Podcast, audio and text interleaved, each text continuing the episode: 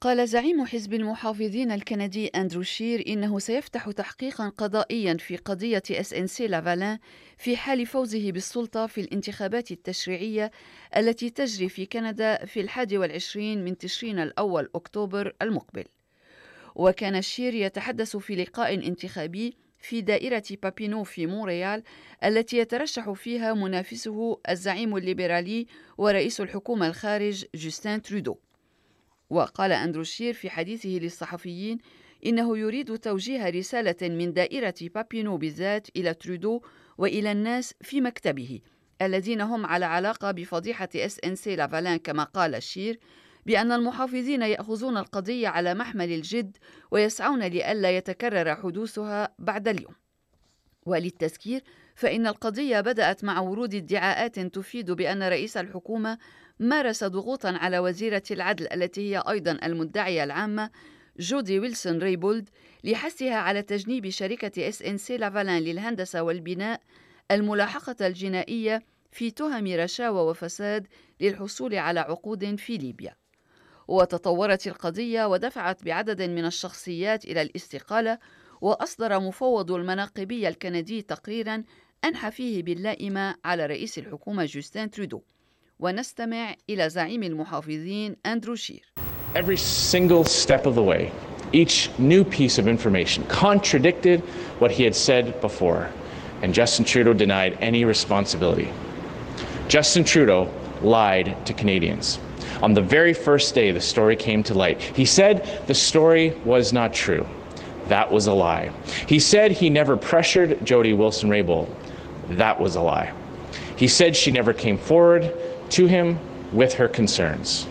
That was also a lie. كل خطوة وكل معلومة وردت تتعارض مع ما قاله ترودو وقد نفى ترودو أية مسؤولية له فيما حصل جوستين ترودو كذب على الكنديين ففي أول يوم خرجت فيه القصة إلى العلن قال إنها ليست صحيحة وكانت تلك كذبة وقال إنه لم يمارس الضغط على جودي ويلسون ريبولد وكانت تلك كذبة وقال إنها لم تعبر له أبدا عن قلقها وكانت أيضا تلك كذبة قال زعيم المحافظين أندرو شير. وأشار إلى أن حكومة ترودو استغلت وضعها كحكومة أغلبية للحؤول دون أن يلقي البرلمان الضوء على هذه القضية. ومن الممكن وضع حد لكل ذلك من خلال عدم إعادة انتخاب ترودو على رأس السلطة في البلاد كما قال أندرو شير مضيفا بأن حكومة يشكلها المحافظون لن تسمح بتكرار ما حصل ونستمع مرة أخرى إلى أندرو شير A new conservative government will launch a judicial inquiry into Justin Trudeau's corruption scandal. At every turn, Trudeau has stopped the truth from coming out and prevented Canadians from getting the answers they deserve.